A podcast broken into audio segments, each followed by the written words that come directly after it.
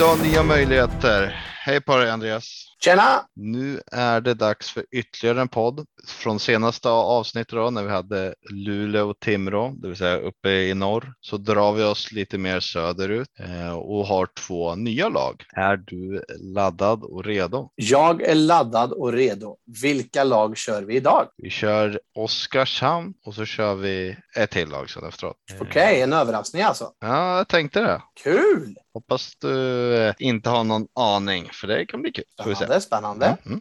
Nästa gäst här kommer från Oskarshamn och heter Johan. Välkommen Johan! Tack, tack!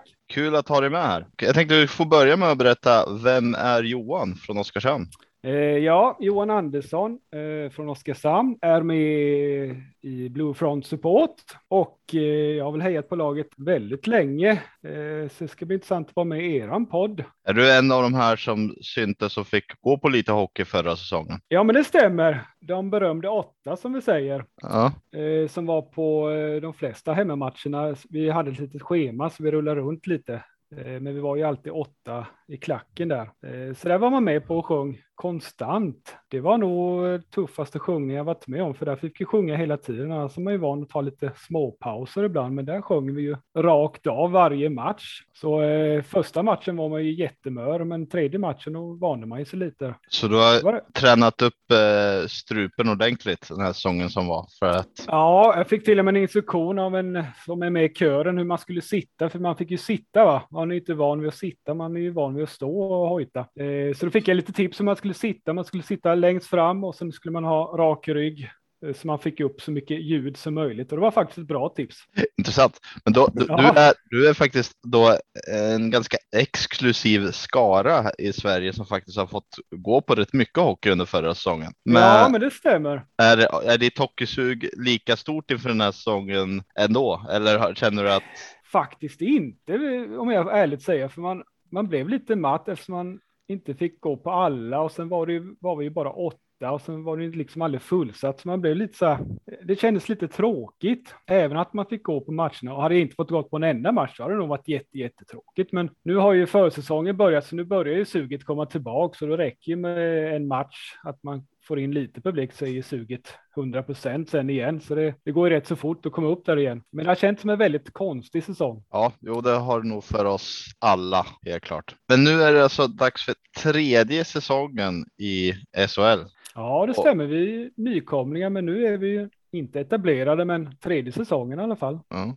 Tror, tror du att ni kommer hålla er kvar framöver eller känns det som att ni bara är på en liten eh, blixtvisit? Och... Ja, den där svår, frågan är ju väldigt komplex. Det hänger på väldigt mycket. Vi är ju för det första är vi en väldigt liten stad. För det andra så har vi ju bara en ishall, så där har vi ju att brottas med kommunen för att få in en till ishall. Och för det tredje kanske till och med en större arena, för vi har ju minsta arenan i, i SHL, 3275 i publik tar vi in och det är ju liksom i allsvenskan var ju den också en liten ishall, var ju i botten ungefär nästan mitten upp Eh, vad gäller publikkapacitet. Så tack vare dessa lustiga säsonger när vi inte liksom fått in annat publikintäkter så har vi klarat oss väldigt bra hittills. Men framtiden är ju liksom, vi måste ju få in mer pengar för att kämpa mot de andra klubbarna som har fått in lite mer pengar. Så eh, jag vet faktiskt inte, det kan hänga ett år, det kan hänga flera år. Vi hoppas på att det blir många år i alla fall, men vi har ju inga stora förutsättningar för det i alla fall. Så vi kämpar ju motvind hela tiden. För det är ju, det är ju väldigt många som liksom säger att Oskarshamn åker ur, Oskarshamn åker ur, men ja. så klarar ni er kvar ändå. Eh, första året då var det ju corona, att allt stängdes, men i fjol då, då var ni inte bland de två sista. Nej, där stannar vi kvar av egen hand och det är ju häftigt, så nu slipper man ju höra det pratet i alla fall. Ja, absolut. Eh, ni har ju även en värmländsk sportchef. Eh, när han värvades hit så blev han ju eh, manager, blev han ju general manager eller vad det nu hette. Men nu är han ju sportchef, för då hade vi två. Jag hade ju sportchef innan där. Men nu är han ju sportchef. Thomas Fröberg, han är ju underbar. Så jag har träffat han personligen flera gånger. Ja, det är, det är en person ni har väldigt stort förtroende för, eller? Ja, eh, samtliga Oskarshamn har jättebra förtroende för honom och han, han har ju en bra dialog med eh, tränarna, med tre stycken. Eh, så de har jättebra dialoger och scoutar väldigt mycket tillsammans. Så det är ingenting enmansshow det där, så det är ju liksom en stor eh, gemensam show det där. Ja, om, om man kollar då på tränartrion först då, så är det ju Martin Felander, Jeff Jacobs och Mattias Tjärnqvist. Ja. Och det är tankar kring den trion. Intressant. Det är andra säsongen de kör tillsammans. Martin ung, han fyllde nyss 40 år, så han är ju lika gammal som mig faktiskt. De kommer med ett nytänk. Tjärnqvist tycker jag också är intressant, för han har ju väldigt tunga meriter eh, bakom sig som spelare och då kan det ju inge en viss respekt hos spelarna också när man har lite mer tunga meriter. Men de tycker jag synkar väldigt bra, pratar väldigt mycket tillsammans Eh, funkar som en bra trio. Eh, så den trion tycker, man, tycker inte jag att man ska splittra. den, så den trion tycker jag funkar jättebra. Eh, Mattis Matti sprider ett visst lugn och jag tycker samtliga tre är väldigt lugna och harmoniska. Om man går vidare till spelarna då, så är det första jag slås av är ju att det är en hel drös med spelare som har lämnat och en hel drös då såklart som har kommit till. Så det är ett helt annat lag i år än förra på pappret och vilka spelare som ska göra det. Ja, det stämmer. Eh, det var många som lämnade. Eh, vi försökte ju få kvar de här stjärnspelarna, Lance Boma, eh, men han lämnade till Malmö förvånande nog. Och jag vet inte vad det beror på, om det har med pengar att göra eller att vi är en liten stad eller att vi bara har en ishall. Men han har lämnat. Däremot har vi lyckats få till de som har kommit in tycker jag är väldigt intressanta faktiskt. Ja, de som står ut för mig är ju de här Sohorna bröderna. De är ju egentligen det. tre, en, en i NHL och sen är det då Hynek och Thomas som har kommit till er. Ja, först fick vi ju Hynek. Eh, Han kom ju först va? Ja. Och han har ju spelat både liga och KL. Och på något sätt så fick vi hit hans brorsa Thomas. Och han har ju lite mer på pappret, lite mer meriter. Han har ju spelat bland annat sex säsonger i KL medan eh, hans lillebror där, jag vet inte vem som är storebror, antar att Thomas är storebror. Men Hynek har ju bara spelat två säsonger i KL så Thomas är ju lite vassare på pappret. Och det ska bli väldigt häftigt, eh, två bröder. Eh, nu finns det till och med en tredje brorsa som håller till i NHL, men han platsar inte riktigt där så han ligger pendlar mellan AHL och NHL. Så häftigast vore ju Radim heter hans, eh, den tredje brorsan där. Häftigast vore om vi fick till exempel låna han till jul eller någonting. Det vore häftigt att ha tre brorsor. Sen har ni en värvning som också står ut lite, men på ett litet annorlunda sätt då. Dale Wise, eller hur man uttalar det. Dale Hur- Weiss, uttalande ja. själv. Okej, ja. Han är ju riktigt tajpad, 500 NHL-matcher, men han spelade ju inte förra säsongen, inte alls. Så det kan ju bli en riktig joker. Han har ju spelat både i AHL och NHL samt i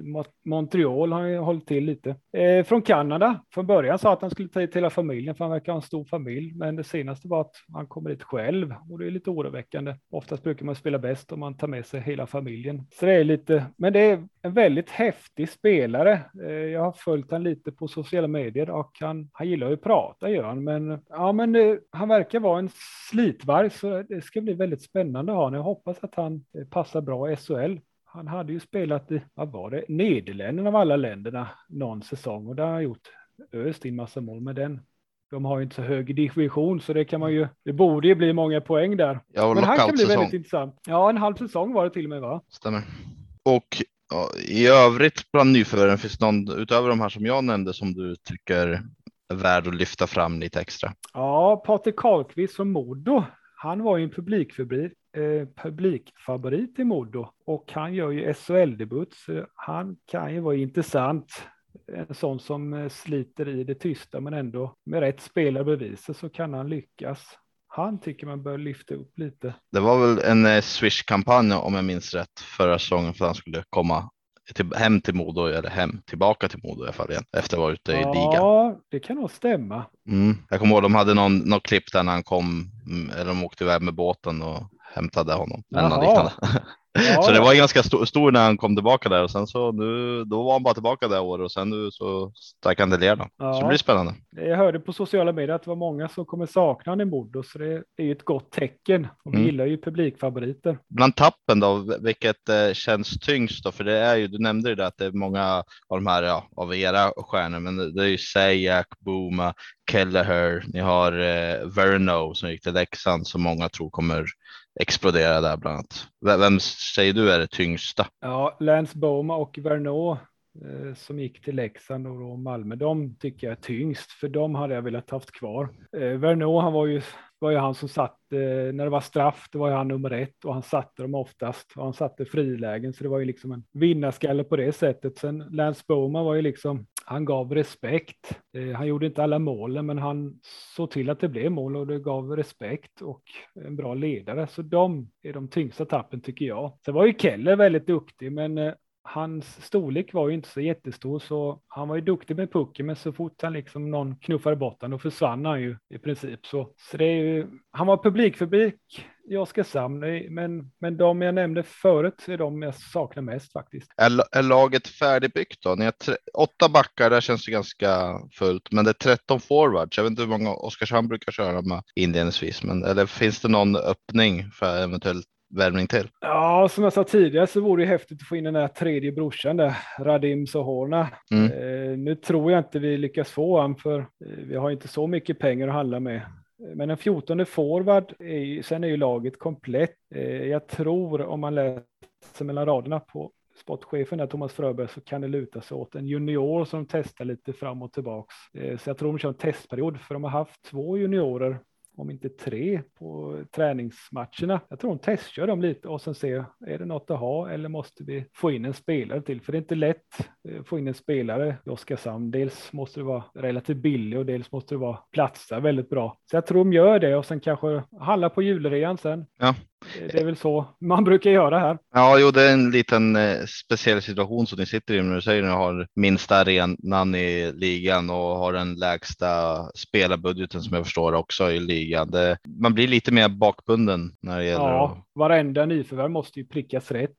Annars blir det ju, det märks ju om det är något eh, nyförvärv som inte levererar. Mm. Det tänkte jag på. Ni plockade ju in en rysk målvakt i slutet förra året. Ja, just det. Den var ju rolig. Men det var väl ingen dundersuccé, va? Nej, han stod ju en match om jag inte minns fel och jag tror han stod knappt fem minuter, sen kastade han in handsken. Så han gjorde inget större avtryck. Det var ju häftigt på pappret, det var ju liksom hajpat när han kom, men han blev ju tyvärr en flopp, eh, för han fick ju inte chansen att stå mer matcher sen. Det var ju nästan lite pinsamt. Eh, och vi gjorde ju säsongen innan det, gjorde vi något likadant med en amerikan, eller om han var kanadick. Han stod ju också max fem minuter och sen, sen tror jag han la av eh, efter den säsongen. Jag tror han är målvaktstränare nu i Nordamerika. Och nu ska vi inte gå ytterligare en säsong i för, förväg, men vi pratar om att många hade lämnat. Om jag kollar på laget och kontraktslängderna som ligger så är det ju framförallt på forwardsidan av de 13 forwards som har kontrakt nu så är det bara tre.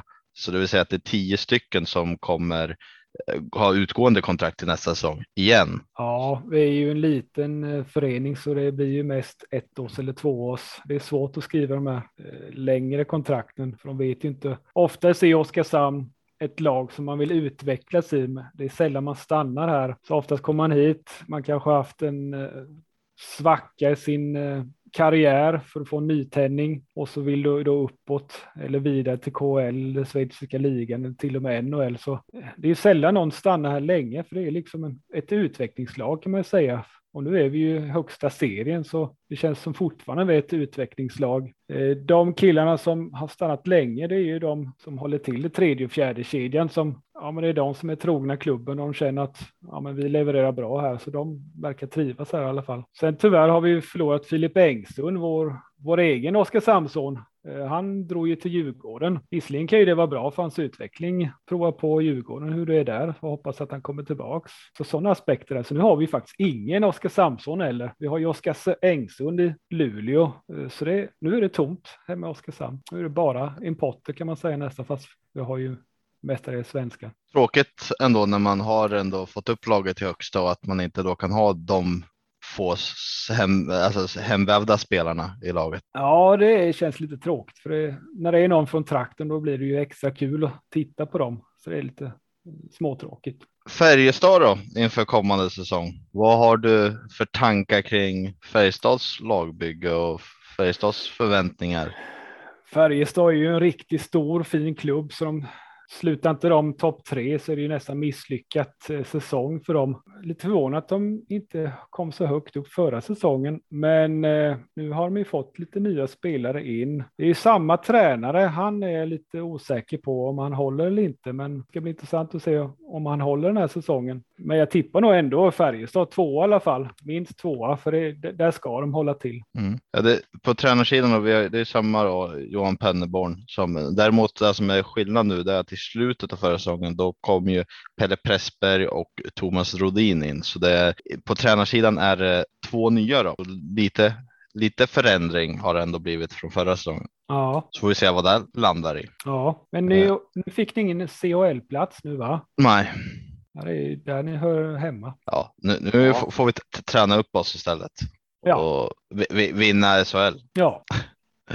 Men eh, om du fick eh, välja en spelare från Färjestad och plocka rakt in i Oskarshamn, vem skulle du välja då? Jag har inte så jättekoll på Färjestads lag, men i så fall säger jag Mikael Wikstrand, för vi behöver en bra back. Mm. För han är back va? Han är back. ja, han, är back. Men han skulle vi, vi behöver, våra backar är väldigt unga och orutinerade. Så vi skulle behöva en rutinerad back. Ja, han är våran kapten inför kommande säsong, så det finns mycket i rutin och ledarskap som säkert skulle vara användbart hos er. Ja. Men han är vår. Ja. Ska vi hoppa vidare till tabelltippning? Ja. ja. Den roliga delen. Ja, men det kan vi göra. Ska jag börja från botten eller? Ja, det kan du få göra. Ja, jag tippar ju Timrå som sist. Eh, och det känns ju extra kul eftersom vi var ju de som fick ut dem. Så jag kör Timrå sist. Visserligen har de ett intressant lag, men jag säger dem sist ändå. Sen kommer Linköping. Eh, Linköping är en konkurrent till oss, så de får vara där i botten. Sen kan det vara Djurgården eller Brynäs, men jag tippar Brynäs som tredje sist och sen Djurgården efter det. Sen tippar jag eh, IK Oskarshamn som en eh, play-in-lag där. Ja. Det tippade jag det... förra säsongen också och vi var ju faktiskt bara två poäng från att vara play-in-platsen där. Ja. Och det skulle vara er bästa placering i SHL någonsin? Ja. 11 förra ju, året. Ja, vi fick ju 11 det var ju bästa hittills, men vi var ju nära på tionde så jag siktar på ödmjukt en tionde plats. Det kan bli högre, det kan bli lägre, men den känns mer realistisk i alla fall. Givetvis vill jag ju så högt som möjligt, men nu är jag lite realistisk när jag tippar. Yeah. Efter det har jag tippat Örebro. Eh, egentligen skulle de komma högre upp, men jag tippar dem där. Eh, och sen tippar jag Leksand och efter det tippar jag Skellefteå. Så. Sen tippar jag faktiskt eh, Frölunda. Frölunda sexa. Ja. Som, för, som första direkt kvalificerande lag. Ja, och sen tippar jag faktiskt Malmö, för de fick ju Landsboma där och jag tror att på pappret ser det väldigt bra ut. De kan bli tunga och starka i år. Och sen har de ju en riktigt bra målis. Mm. Och får de igång både offensivt och defensivt så kan de bli svårslagna. Och Karl Söderberg som kommer in här, så det är spännande att se. Ja, ja. Sen har jag Växjö eller Rögle, men jag sätter Växjö där, för de kan ju bli lite mätta efter ett SM-guld. Det är väl skönare att sätta dem lite lägre ner än högre upp, ja, så att säga, om man får välja. De kan, de kan hamna högt upp också, för tränaren är ju riktigt bra. Eh, han är ju vinnarskalle. Och sen Rögle, de har ju Rifalk som målis. Han tror jag på stenhårt. Själv vill jag ha honom. Och Keller har ju de ja, nu. Eh, vi får hoppas att det går bra för honom så att det inte blir en flopp för honom. Men eh, jag tror det går bra för honom. Han brukar ha lite svackor ibland, så det kan vara att han tränar bort det. En del spelare passar ju bättre i andra lag, så vi får se om han lyckas för honom. Yes, näst eh, först, om man säger tvåa då blir det då. Eh, Färjestad tippar jag faktiskt. Ja, yeah, en andra plats. Och nummer ett, Luleå. Ja, det, det, är. Vi har ju kört några res, eller tippningar nu och eh, du är inte helt ute och seglar med vad andra tycker om jag säger så. Sen om Nej. vet vi alla att ingen av alla de här tippen vi tar in, det, ingen lär väl ha rätt. Eh, det ska Nej. mycket till. Det ska ju mycket till. Ja. Eh, men om du fick välja vem av dessa tar SM-guldet då? Eh, Luleå brukar ju sällan gå bra i slutspel. Det vore ju häftigt om Växjö gjorde det igen. Men det känns som att det är Färjestads år i år så, och det är eran podd så jag säger Färjestad då. Det var ett bra svar tycker jag. Ja. Ja, nej, men det, det är en spännande tabell. Ja, Frölunda har ju eh, tippat väldigt lågt nere, men eh, de borde ju vara högre upp, så de kan ju vara, också hamna högre upp. Men de har De ju. kommer ju från två raka sjundeplatser också. Ja, det kan vara att de får fart på maskineriet igen och då kan de bli svåra. Då kan det bli final eller semi. Vad har du för förväntningar då på vad, vad känner du är liksom en lägstanivå för ditt lag då Oskarshamn? För godkänt? Ja, eh, stannar vi kvar i SHL så är vi nöjda om man säger så. Ja, Då är vi glada. Eh, hamnar vi på en tionde plats, då snackar vi ju slutspel och då är vi mer än nöjda. Så lägsta nivån är att vi bara stannar kvar en säsong till. Det är vår lägsta nivå. ja, och helst då slippa det ångestladdade negativa utspelet. Ja, Perfekt. Ja, men du Johan, vi tackar så jättemycket för att du ville vara med i våran eh, podd. ja men tack själv. Kul att ha dig med och få höra din syn på framförallt Oskarshamn eh, inför den här säsongen. Så jag har lite, Ja. lite kött på benen vad ni ställer upp med. Det är som sagt många nya spelare in. Ja, jo var det många nya spelare. Ja, Andreas, har du Ja. något att tillägga? Eh, nej, jag är väldigt nöjd med Johan. Tack, tack. Så lite. Men eh, vi säger väl lycka till och eh, förhoppningsvis kanske vi ses under säsongen. Hoppas att det kommer in publik. Ja, då får jag säga må bästa lag vinna. Absolut, så får du ha det så bra. Ja, hej då med er. Tack så mycket. Hej då! Tack så mycket. Hej. Ja, och inför nästa gäst så hände det någonting. Jo, nämligen Andreas ville inte vara med längre. Eh, han stack eh, och anledningen till detta tror jag och som jag förstod det var han skrek någonting med nej för fan och det var väl för att eh, nästa gäst är Djurgården och eh, det ville han inte vara med om. Han tyckte att det räckte med de andra. Så med oss här har vi Anton. Välkommen Anton. Tack så mycket. Jag ber om ursäkt för Andreas att han inte vill vara med och du får ta det personligt med tanke på att du är djurgårdare. jag vet, det finns ju en eh, tydlig rivalitet mellan, mellan Djurgården och Färjestad, så eh, jag förstår honom. Ja, eh, och är rivaliteten, tycker du att den är lika hård idag som den var för 10-15 år sedan? Ja, alltså det, det, det är ju alltid speciellt att möta Färjestad, så är det ju. Det är ju liksom ett klassiskt lag och det är ju alltid lite extra gött att, tvåla till Färjestad. Så, så någonstans så finns det ju ändå en, en liten eh, touch av det, helt klart. Mm. Alltså, det känns som att vissa rivaliteter och sånt ändå minskar och det har ju lite med beroende på hur, hur lagen är. Så går vi tillbaka där runt eh, 00-talet så var det ju faktiskt Djurgården och Färjestad som var de bästa lagen i flera säsonger i rad och flera finaler och så vidare. Det har ju inte varit så senaste tiden, eh, förutom semifinalen då för några år sedan. Ja, precis, när vi gick eh, vinnande ur den striden, ja. Ja, Det var, det var med, li- härligt. med lite flyt. Eller, du, mycket, Ja, eller mycket flyt. Jag, jag kommer ihåg eh, offside situation som eh, blev avblåst eller som inte blev avblåst som var ganska klockren offside. Ja, mycket annat där konstigt som hände den serien kan jag tycka. Ja, Dick eh, hade ju ganska bra ånga i den. Alltså. Det var bra tryck i, i honom då. Mm. Men eh, vi tänkte att du får presentera dig vem du är. Ja, precis. Jag heter Anton Alexander eh, och är 30 år gammal. Eh, skriver för Svenska fans, eh, Djurgården, Djurgården hockeysektionen där. Har gjort det sedan, ja det är tre år tillbaka nu tror jag. Eh, så det, det, har, det har rullat på där eh, rätt bra nu här faktiskt. Några år. Eh, bor i Skövde eh, tillsammans med min familj. Eh, och två eh, söner.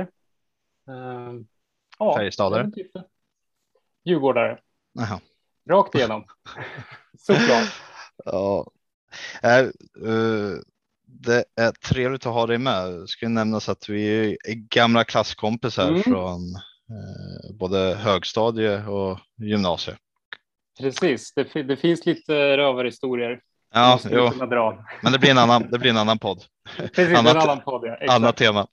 Eh, men, men jag minns väl mest, det var väl under högstadiet där som glädjen var så störst då när Djurgården åkte ner till Hockeyallsvenskan. Ja, men vi studsade tillbaka rätt snabbt där igen. Så. ja, hur, hur, hur, hur, känns det då? Kommer du, vad minns du från den tiden? Eh, det var väl två säsonger ni var i Hockeyallsvenskan?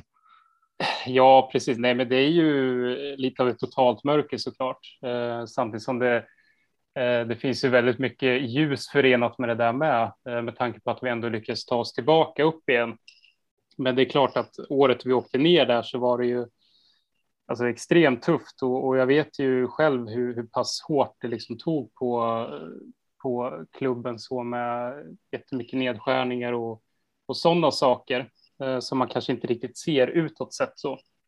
Men eh, eh, med liksom de medlen som fanns där så lyckas vi ändå ta oss upp och det, det är ju ett av de absolut finaste minnen man har såklart som, som djurgårdare. Eh, den liksom känslan när, när det gick vägen. Eh, det var, det var ju spänning in i det sista verkligen. Ja, för vi hade med Martin som är Leksands supporter och han sa mm. ju det nu när Leksand började bli bra så började han vara lite så här. Ah, alltså, vill ju egentligen inte. Jag vill ju att vi ska vara där på håret och uh, håll, åka ner upp och ner och att Hockeyallsvenskan är inte så illa och att de där final eller kvalen uppåt är minst lika som vad han föreställde sig att ett SM-final skulle vara. Jo, alltså det är ju en, en total ur, urladdning på det sättet, helt klart. Och, alltså jag, jag, kan ju förstå den känslan samt som jag aldrig någonsin vill vara i den sitsen igen såklart. För det, alltså den, eh, den förtvivlan man ändå går igenom. Eh, det är ju den emotionella berg och alltså det räcker ju gott och väl där man har liksom SHL tycker jag. Eh, mm. Så det, det kan vi inte riktigt skriva under på ändå.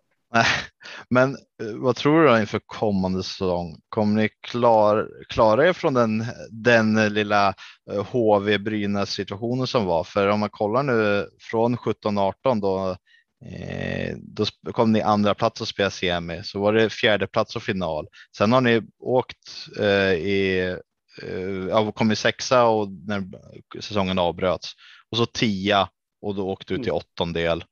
Det är en stadig trend åt fel håll?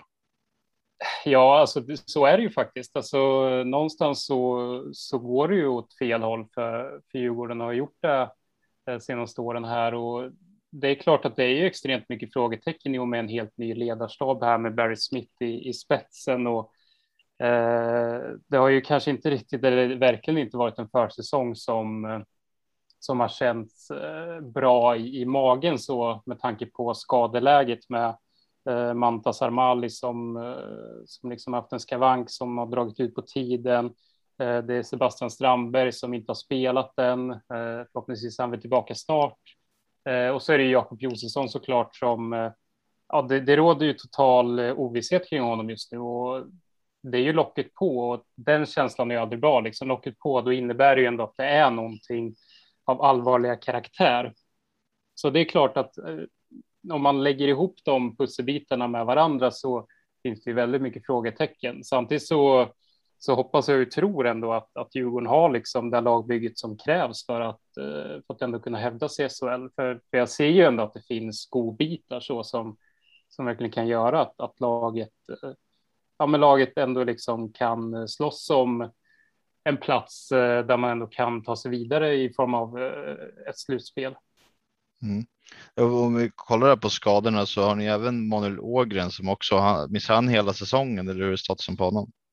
Ja, så det är ju korsbandsskada och det är klart att eh, man brukar prata om rehab. Det är ju kanske åtta månader i vissa fall. Det beror ju lite på om man måste gå in och operera, operera eller inte så, men mm. eh, det finns ju ändå eh, en väldigt stor osäkerhet kring att han kan vara med den här säsongen och det är ju ett eh, jättetungt tapp. Eh, jag, jag tycker att han hade väl kanske förra säsongen var ju ett, ett steg i fel riktning för hans del, men han har ju extremt mycket hockey i sig eh, och är en eh, boxplay, boxplay specialist som, som liksom tar det där eh, grovjobbet som, som man kanske inte riktigt ser så. Eh, och så har han ju en, en stark skridskoåkning och näsa för mål och så där. Och han har ju lite genombrottssäsong i sig så, så det var ju extremt synd att, att han skulle gå sönder på det sättet han gjorde här nu på försäsongen. Och om vi går vidare på nyförvärven Eh, så har vi väl egentligen en som står ut rätt rejält och Linus Videll. Mm. Vad är mm. dina tankar och förhoppningar kring honom då? Det är klart att jag, jag vill att han ska vara en, en, ledande offensiv spelare eh, och även en ledare i omklädningsrummet. Och det har han ju själv sagt att, att han siktar på att vara. Eh, om man tittar på försäsongen nu så har han ju sett, eh, speciellt mot Leksand, där såg han ju riktigt, riktigt bra ut. Sen så känner vi att han har kanske varit lite osynlig Eh, i vissa matcher att det kräver lite mer av honom. Men en försäsong är ju. Det är alltid svårt att dra så stora växlar av det. Eh, men, men jag ser ju att han har ju jättefina kvaliteter, ett grymt spelsinne, jättefina händer. Eh, ganska så nästan så, lite som en bulldozer när han kommer in i anfallszonen. Han, eh, han är liksom hård och möter närkamper. Han, han hittar de där ytorna som, som är heta och så där. Och jag tror absolut att han är god för minst 30 poäng och att han, att han verkligen kan leda laget framåt. Det tror jag. Mm. Tillsammans med övriga spelare som ska leda har ju kommit in Paul Carey som har NHL rutin. Har han hunnit mm. spela några träningsmatcher? Har man hunnit se honom någonting eller? Ja, precis. Jo, men det har man. Eh, och han riktigt fin skridskoåkning. Eh, är, är liksom skicklig med pucken och duktig på att sätta upp spelet så. Eh, och är ju erkänt eh, känd för att liksom kunna vinna insida och så där och, och vara jobbig kring, kring målområdet. Sen så har man kanske inte sett så mycket av det, men jag tänker att det kan också vara en övergångsperiod här med, med lite större rink och så, att, att han måste hitta, hitta liksom den anpassningen och eh, ja, helt enkelt komma in i, i, eh, i, in i den formen liksom. Eh, men han ser absolut lovande ut och där har man också hört mycket om hans ledaregenskaper, att han verkligen är en person som driver laget och så. Det är, det är ganska uppenbart att, att Joakim Eriksson, eh, sportchefen, då har ju verkligen eh, sett till att, att plocka in spelare som, som har en, en bra track record när det gäller just det där och, och kliva fram och vara ledare. Med tanke på hur det såg ut förra säsongen där det var lite sisådär med inställning och den här järnkamisandan som man ofta pratar om, den, den kändes som att den, den lyste lite med sin frånvaro. Så, så är det ett tydligt statement på något sätt att det plockas in ledartyper som, som kan ta tag i det när det, när det går åt fel håll. Ja, han har två raka säsonger som eh, lagkapten i Boston Bruins farmarlag Providence Bruins. Säger Ja, precis. Så han, han, är, han är ju handplockad också eh, via Barry Smiths kontakter där, så att det är ju verkligen någon som de har scoutat väl. På, på backsidan då, eh, om vi kan börja med att fråga vad du har för förväntningar på före detta Färjestadaren Linus Arnesson. Mm. Ja, men jag tycker att han har, han har sett eh, stabil ut nu under försäsongen och, och jag väntar mig ju att han ska vara den där defensiva backen som som liksom tar det här jobbet och ser till att städa i egen zon, men ändå att han kan följa med uppåt i, i anfallen när det, när det liksom finns möjlighet. Så. Eh, jag tycker väl att han i Färjestad eh, tappade i, i sista säsongen han var, men att han tidigare då även i Örebro såg riktigt lovande ut och var nästan, ja, han var ju uppe på Tre Kronor nivå där. Eh, så jag hoppas att han ska kunna liksom studsa tillbaka till det och eh, liksom hitta, hitta den formtoppen igen. Mm. Eh, resten av backsidan är, ni har många, ser ut som att vara ganska många spelare, i alla fall om man kollar lite prospects, men det är väl två, tre 01 Ja, precis. Det är ju totalt tio backar då som är under kontrakt eh, och det finns ju en anledning till det att eh, man känner att man vill öka konkurrensen kring backpositionerna då. Och då är liksom en, ett sätt att göra det och att, att plocka in eh, några eh, kroppar till helt enkelt. Då. Eh, sen är det ju som sagt som du säger, det är ju lite, eller det är ju unga lovande spelare där med Alex Brännstam och Ludvig Hedström, Pontus Johansson som, som liksom är där och knackar på för att få speltid. Mm. Och sen en sak som jag har reagerat på, som jag reagerar på väldigt tidigt, det är kontraktslängden på både spelare och tränare. Det är ett mm. år, ett år, ett år.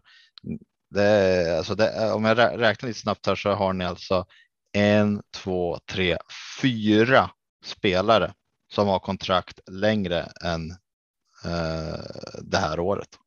Mm, mm.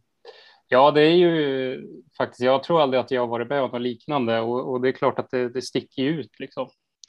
Och jag tror ju någonstans att det är någon slags kombination av både att, att uh, det är nytt i, eh, i ledarstab och sådana saker, att man inte kanske riktigt vet, uh, eller man vet ju riktning som att, att den, det ska falla väl ut uh, med spelidé och sådana saker, men även då i dessa coronatider också, att man då har valt att inte signa upp på längre och, och dyrare kontrakt.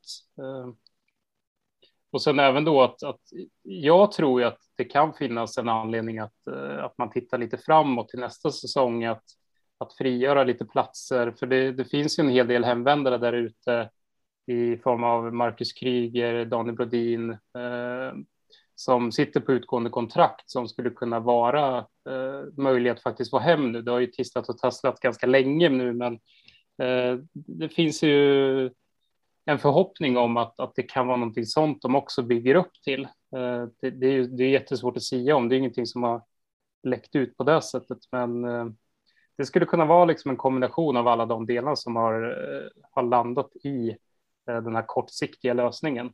Eh, sen är frågan om det gör att det sporrar spelarna eh, eller om det liksom skapar en osäkerhet att man sitter på utgående kontrakt. Det är ju någonting som den här säsongen får utvisa helt enkelt. Mm. Och på tal om återvändare, det tisslas och tasslas en del om Marcus Sörensen. Mm. Senaste status där? Så det jag har hört eh, från källor eh, så är ju att eh, Djurgården går all in på att få in honom och att, att de verkligen liksom satsar helhjärtat på att, att han ska hem nu. Eh, och det är klart att det låter lovande, men samtidigt så, så har ju han en situation där han fortfarande väntar på eh, ett eventuellt NHL-avtal. Eh, sen ska ju han också ta ställning till om, eh, om det nu blir KL eller eh, en annan form av liga så i Europa, om det skulle kunna vara intressant. Eh, men jag tror ändå att alltså, Djurgården ligger bra till. Det, det, det får jag ändå liksom lite, lite känslan av. Eh, och det är ju tydligt att, att Djurgården verkligen är, de är ju liksom på tårna här att, att få in honom. Men är inte han alldeles för bra för att spela i SHL? jo, men jo, så, så är det väl. Eh, samtidigt så har han ju inte riktigt färgat i NHL på det sättet som, eh, som han själv har hoppats på andra med. Eh, han har ju väldigt mycket offensiv i sig. Han har ju inte riktigt haft den offensiva rollen i, i NHL som han önskar. Och han, han, det är väl där någonstans han, han väntar på nu, att han ska kunna få möjligheten att kanske få lite mer istid i anfallszonen i, i något NHL-lag. Och det är ju någonting som krymper eh, möjligheten att kanske få någonting eh, på andra sidan Atlanten. Eh, och det är klart att han absolut skulle kunna spela i topplag i KL exempelvis. Liksom, det, det, han håller ju en jättehög nivå i Europa. Eh, och han, om man skulle komma in i Djurgården så skulle han ju vara Eh, skulle ju säga ändå topp fem värvning i SHL den här säsongen, helt klart. Ja, för han har, har ju bara spelat i San Jose, så han har ju inte liksom blivit testad i någon annan klubb, så det känns ju som att någon NHL-klubb skulle vilja testa och om inte det såklart KHL eller Schweiz, att de borde mm. kunna komma där. För när han var nu föregående säsong så spelade han ju en del i Vita Hästen och han gjorde och i Hockeyallsvenskan då och han gjorde ändå 24 poäng på 14 matcher. Mm. Det är ja, ja. väldigt bra med tanke på även andra spelare som var där så eh, extremt. Han hade ju fullständig lekstuga alltså. Det, jag kikade faktiskt på några, några matcher han gjorde där och det, det, det var ju som att han liksom lekte bara. Han, han var ju totalt i, i zonen och, och visar ju verkligen. Jag tror ju någonstans det där att han har ju säkert varit eh, eller känt att han har hållits tillbaka med det där med att, att ha en defensiv roll och så. Där fick han ju bara släppa loss. Han fick jättemycket minuter i, i, i de här offensiva delarna av, av spelet och känner vi att det, det, det liksom föder vi säkert någon, någon slags eh, med glädje att han fick tillbaka spelglädjen på det sättet, för det, han liksom det bara sprudlar ju om honom. Eh, och det är klart att när man såg honom i man gjorde Hockeyallsvenskan började man ju drömma direkt om eh, vad skulle han kunna hitta på i SHL om man skulle spela med, med den motivationen som man gjorde i Vita Hästen. Och på tal om några som brukar ha mot motivation och som spelglädje, William Eklund och Alexander Holtz. Mm. Vad, vad händer egentligen? Det, allt hänger på NHL-klubbarna eller? Ja, jo, det gör ju det. Alltså, det är ju lite. Det är lite limboläge känner man liksom, eller man väntar ju bara på. Eh, ja, när kommer beslutet på något sätt? Eh, när det gäller William Eklund så är det ju fortsatt osäkert. Eh, det är ju ändå ganska uppenbart att San Jose vill testa honom och, och se vad han går för här.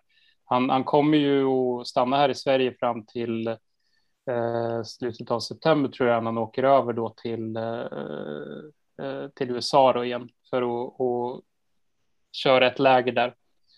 Eh, sen är frågan då om han lyckas slå sig in i NHL därifrån eller om han kommer tillbaka på lån. Så det är ju, det är liksom bara att vänta. Eh, men eh, det ser ändå ut som att han kommer kunna spela SHL-premiären och det är ju alltid en, en bonus. Så.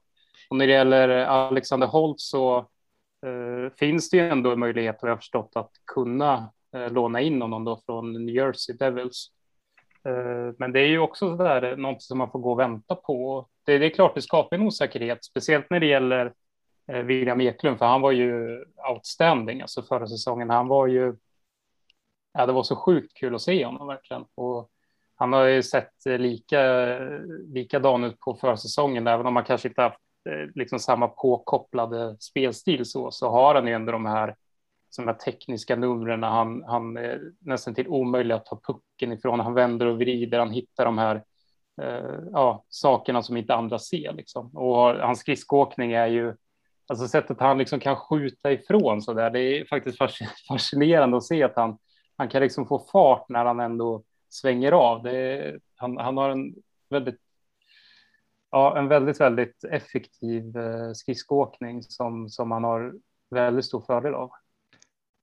Vi hade lite, jag vet inte om vi hade tur eller om vi lyckades vara anti honom, för jag tyckte under förra säsongen, han var ganska osynlig alla matcher mot Färjestad faktiskt man hörde och läste om honom hela tiden mm. mellan med alla andra matcher, men så fort vi mötte Djurgården så var han ganska osynlig.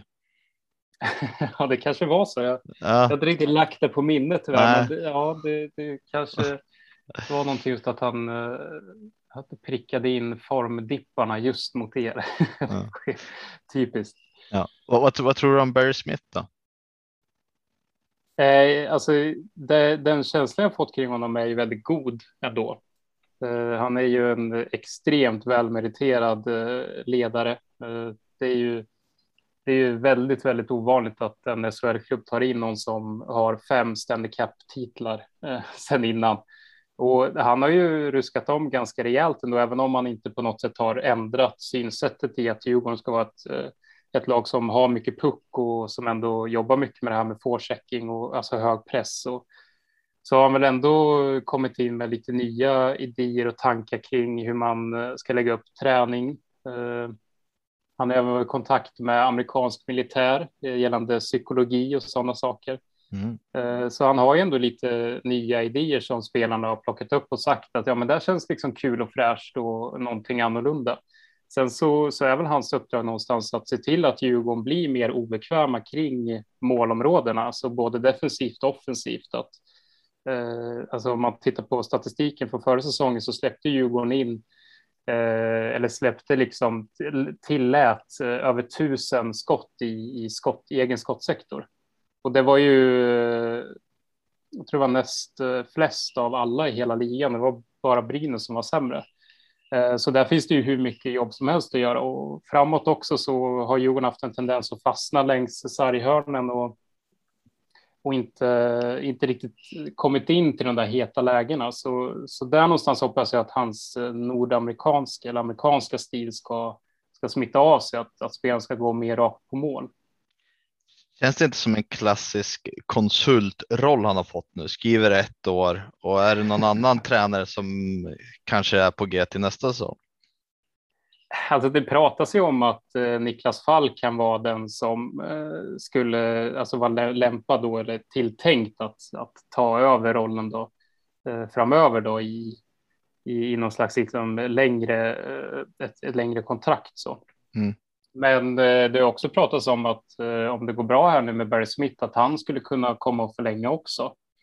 Så det är ju lite av en, en pröv och tid det här med, men det, det, är klart att med hans erfarenhet och eh, alla meriter och kunskaper så, så, så vore Djurgården dumma om de inte tar in någon som kan suga åt sig det där och, och förhoppningsvis ta det vidare i, i då en, en roll som huvudtränare. Eh, som Barry Smith är ju han, han är ju till åren, liksom. han kommer inte kunna vara huvudtränare hur länge som helst.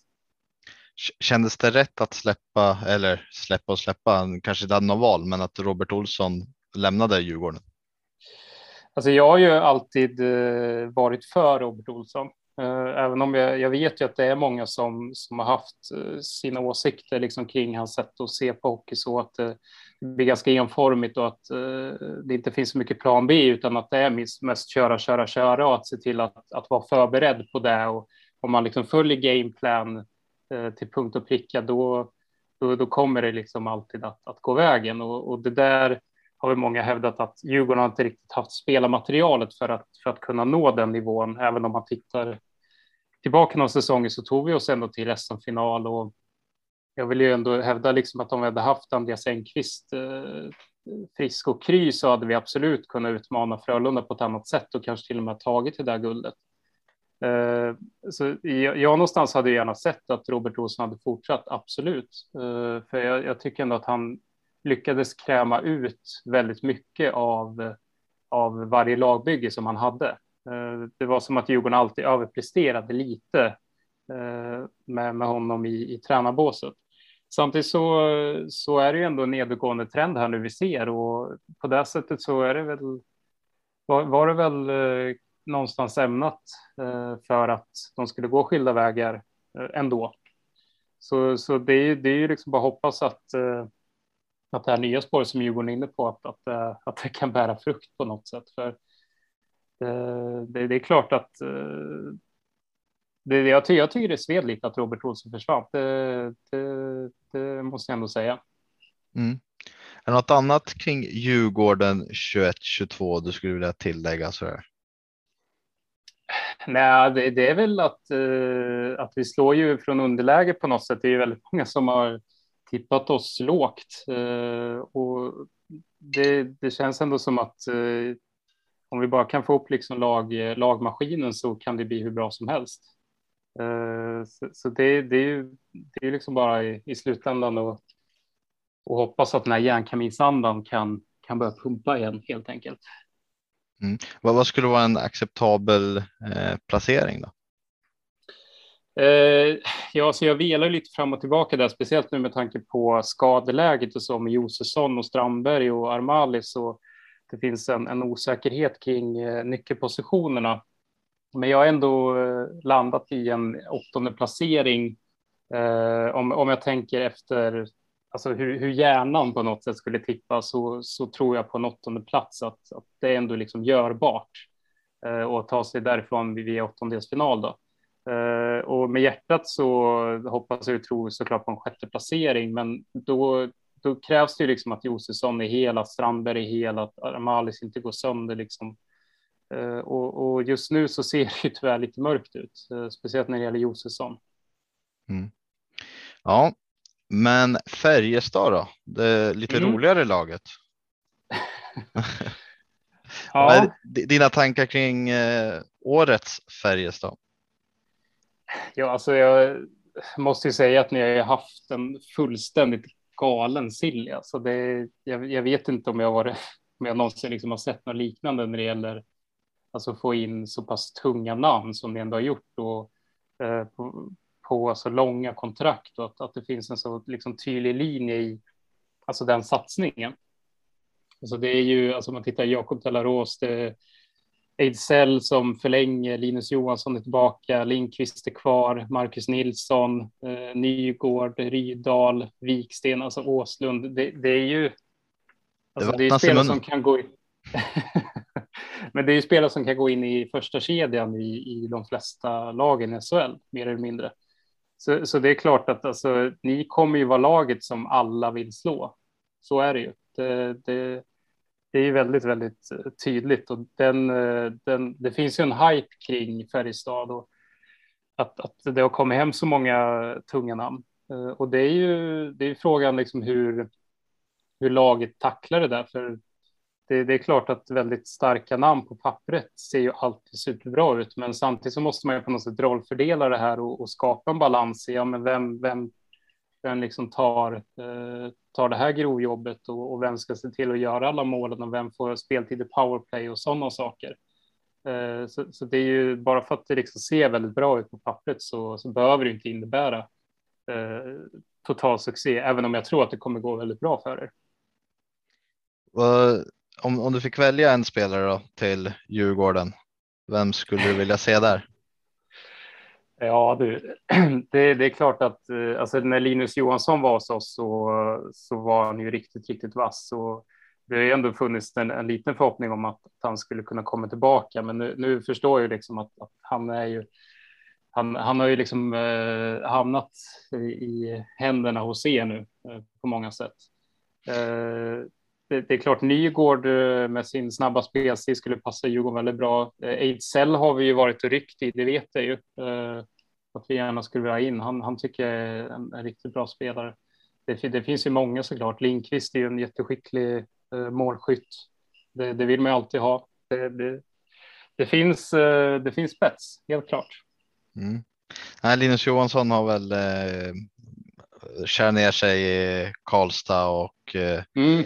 Eh, även skaffat sig ett liv där, precis som de flesta av dem som faktiskt har kommit tillbaka till Färjestad inför den här säsongen har ju en eller flera kopplingar, eh, antingen till klubben eller eh, länet av Värmland. Mm. Eh, det finns ju återkommande röd tråd när det gäller det.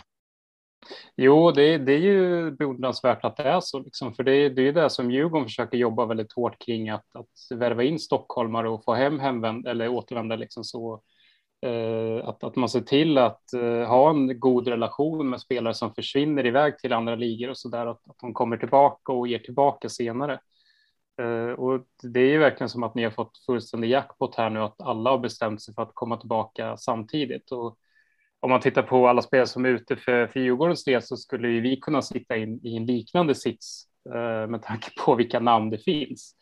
Eh, så så det, det handlar väl mycket om timing och, och sådana saker också såklart. Ja, nej, men timing och i det här i Färjestads fall så har det ju varit lite. Vi hade Micke Wikstrand som var ganska drivande i det här och eh, pratade mm. tidigt mm. på året eh, om och med personer för att få ihop det här, att komma hem och verkligen gå för det på allvar eh, och få mm. tillbaka andra spelare också. Mm. Så, så jag håller med, det ser spännande ut och som sagt, vi till skillnad mot eh, ert eh, enårskontrakt så är det här ju kontrakt som är på två till sex år då om man mm. slår ut över allihopa. Det så i, i, bästa eller i värsta fall eller bästa fall beroende på man ser det, eh, då även nästa år kommer ju Färjestad förhoppningsvis ha ett bra lag. Så kanske ska mm. köra en dubbel guld två år i rad. Det låter väl kul? Ja, det vet jag inte om det gör. ja, nej, det, det, är väl. Det finns ju ett, det är ett ganska högt spel det där också på något sätt, för det, det är klart att det, det finns ju en jättetrygghet i det där och, och få in spelare på längre kontrakt, men Nygård, han, han sitter på sex år eller vad är det? Ja. Det, jag tänker, han lever ju väldigt mycket på sin snabbhet där. Det, det är ju en sån sak som man ändå så får lägga i. Ju äldre spelare blir, desto, desto kanske mer eh, explosivitet tappar de. Så det är ju också så där avvägning som man måste göra. Eh, så det blir spännande att se framöver liksom vad, vad saker och ting mynnar ut i. Det, det jag ser kring Nygård är att han har ju i princip aldrig haft några större problem med kroppen. Han eh, har haft problem med mm. handen nu då, och det är ju liksom inte en, så, inte en sån skada. Om det var en puck han fick där eller vad det var. Eh, så är det en mm. annan typ. Eh, I övrigt så har han ju liksom varit eh, frisk från skavanker och så vidare.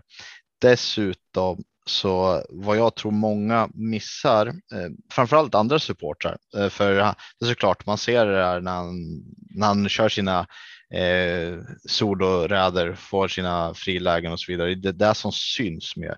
Men mm. han är ju riktigt användbar i både boxplay och i powerplay och får med sig minst en utvisning varje match. Så det är många saker. Han, han står framför mål och han petar in. Han gör ju inte de här kanske sniper skotten utan han står där och grötar in puckar och så vidare. Så han gör mycket mm eh, mycket överallt som inte alltid syns heller.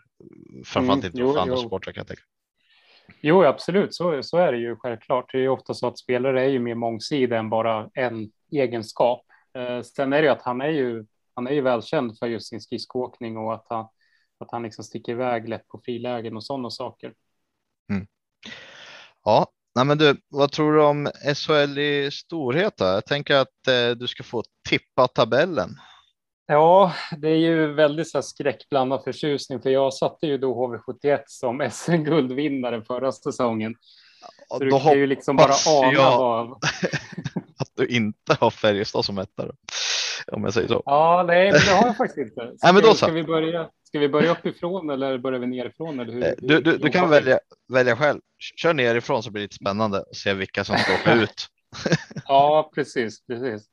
Nej, men eh, på 14 plats har jag eh, satt Timrå. Eh, inte speciellt eh, oväntat direkt. Det är många som, eh, som har gjort det. Det är ju alltid svårt att vara nykomling och om man tittar liksom målvaktssidan känns väl helt okej. Okay. Eh, liksom bakåt har de Tim Eriksson eh, som kommer vara en försvarsgeneral. Eh, framåt i tappet av eh, Dahlén blir tungt såklart och spelare som Lundin och Löke och Lodin måste ju verkligen göra avtryck nu i SHL. Eh, så, så jag, jag, tror eh, att, att det kommer bli tufft för dem. Liksom. Eh, det, det, är alltid svårt att, att sia så, men det, det, är tufft att vara nykomling och de har ju ganska många kontrakt som, som har liksom om, omvandlats från Hockeyallsvenskan till SHL. Så det, det, är ändå en omställning som, som liksom kräver eh, kräver ganska mycket. Om man tittar på en sån som Albin Lundin som leverer, har levererat jättemycket poäng där. Det, det är frågan om man, om man kan liksom vara den spelaren i SHL. Eh, han har ju helt klart eh, växt jättemycket sen. Han var ju i Djurgården där faktiskt en sväng och, och spelade lite matcher eh, och var väl ganska anonym så. Eh, ja, det var väl Djurgården och Skellefteå där en stund. Ja, precis. Eh, så jag, jag, tror att det, det, det kommer bli tufft för Timrå. Eh, på trettonde plats så har jag faktiskt placerat Brynäs. Eh, jag har sett vissa tror liksom att Brynäs kommer kommer studsa tillbaka nu här. Jag är lite mer, eller ganska så tveksam kring om de kan resa sig efter sin kaossäsong här. Det är jättemycket nytt med ny tränare som, som de liksom ändå måste få in. Sen som man tittar på spelartruppen så är den ju ändå Eh, ganska intakt. Och det är frågan om det verkligen är positivt med tanke på hur det såg ut förra säsongen. Eh, Genoway kommer bli otroligt viktigt för dem i, i eh, försvaret där. Sen är ju Anton Rudin såklart livsviktig och Greg Scott, Emil Molin kommer ju vara drivande där och Danielsson. Sen är frågan vad som händer med Patrik Berglund där också.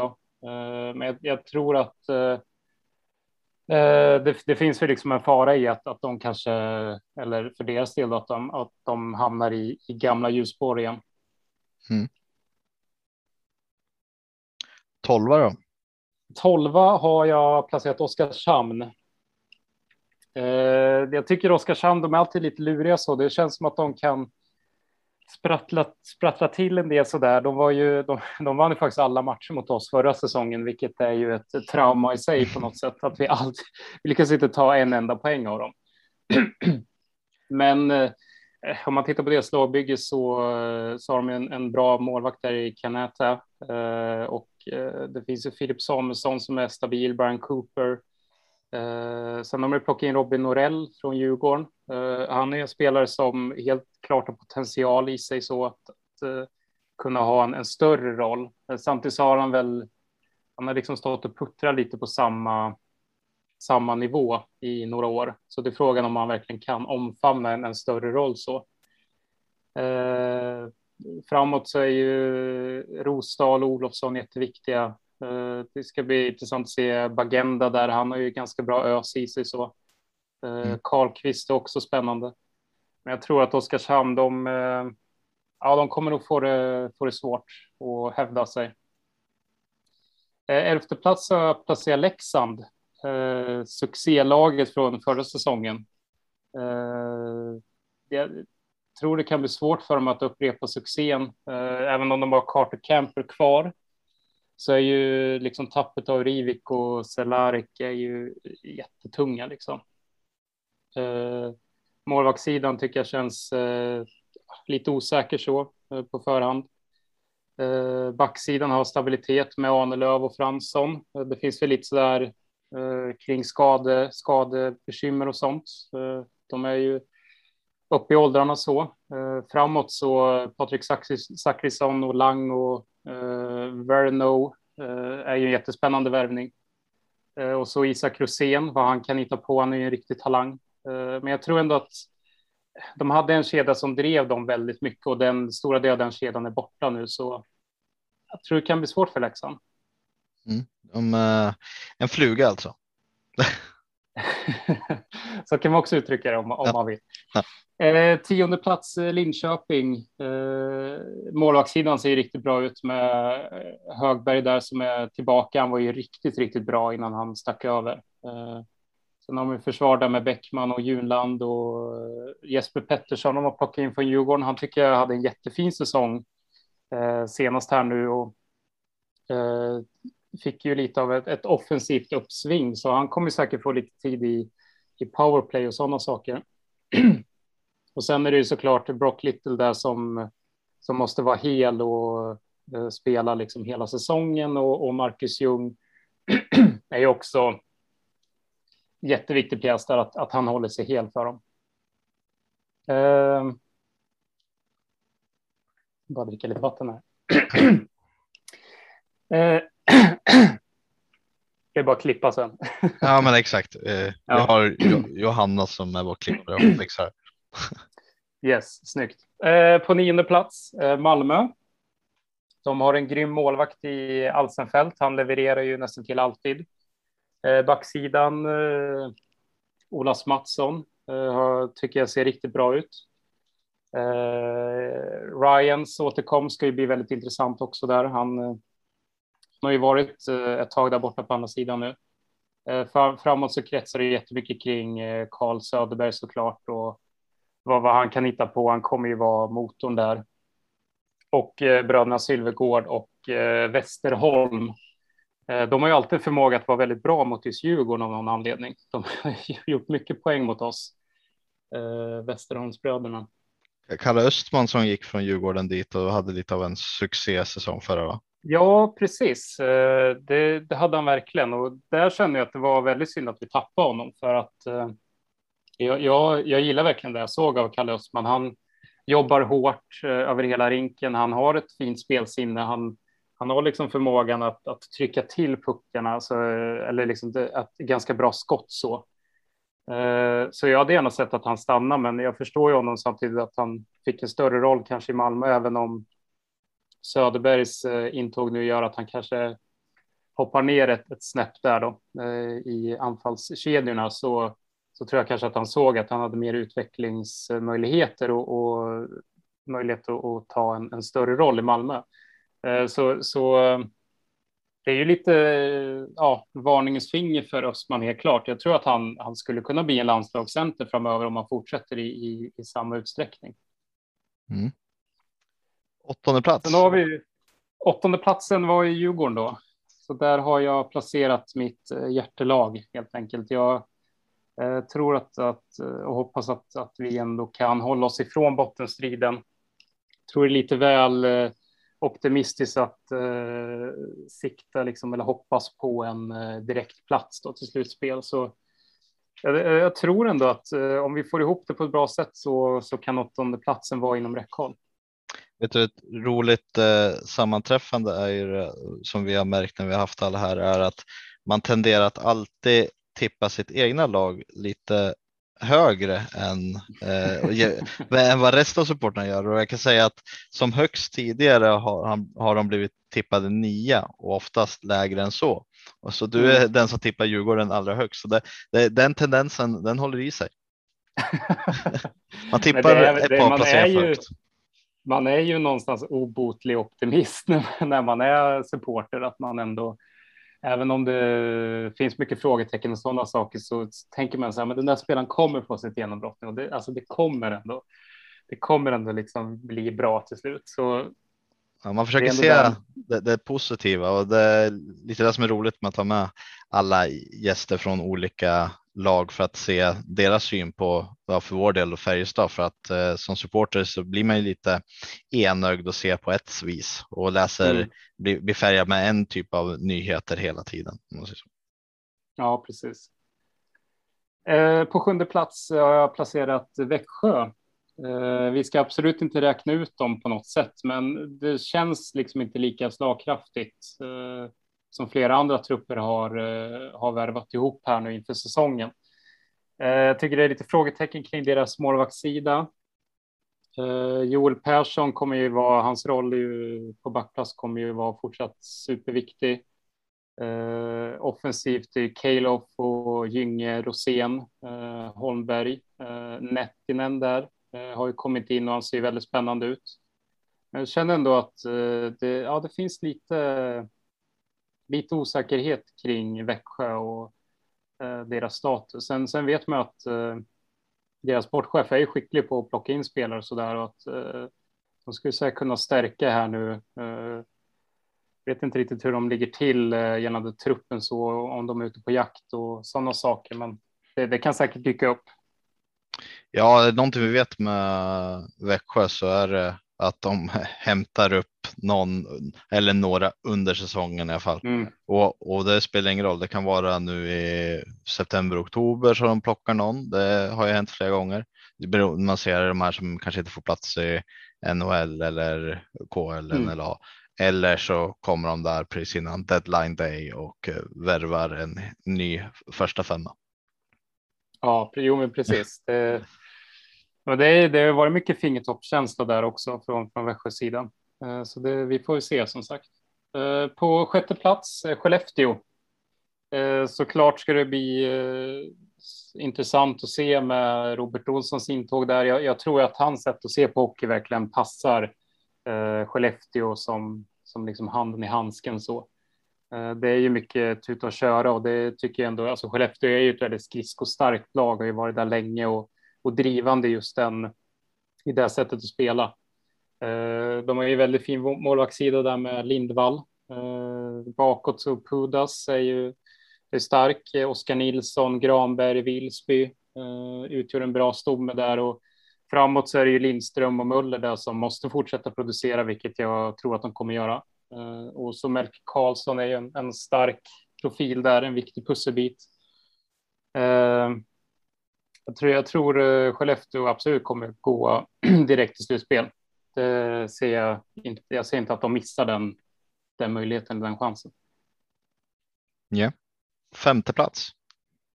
Femte plats har jag placerat Örebro. Jag tycker de har ett, ett spännande lag. Eh, det är ju Enrot i mål där eh, och sen har de en väldigt spännande backup keeper Eh, Ibert eh, kommer ju leda backsidan där när han väl är i form då. Det har ju lite mm.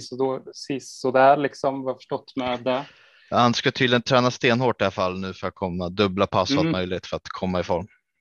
Ja, det kommer ju absolut behövas eftersom SHL är ju en, en liga som, som kräver väldigt mycket av en som spelare. Eh, sen är det ju framåt där med Abols och Kovacs och Lionen, Leino, Eh, Pustinen. Det är ju en del finländare de har plockat in där och jag tror absolut att Örebro kan eh, fortsätta på den inslagna vägen här nu. De, de hade ju en fin säsong här nu i fjol och eh, jag, jag, tror att de har hittat någonting bra här som de kan bygga vidare på.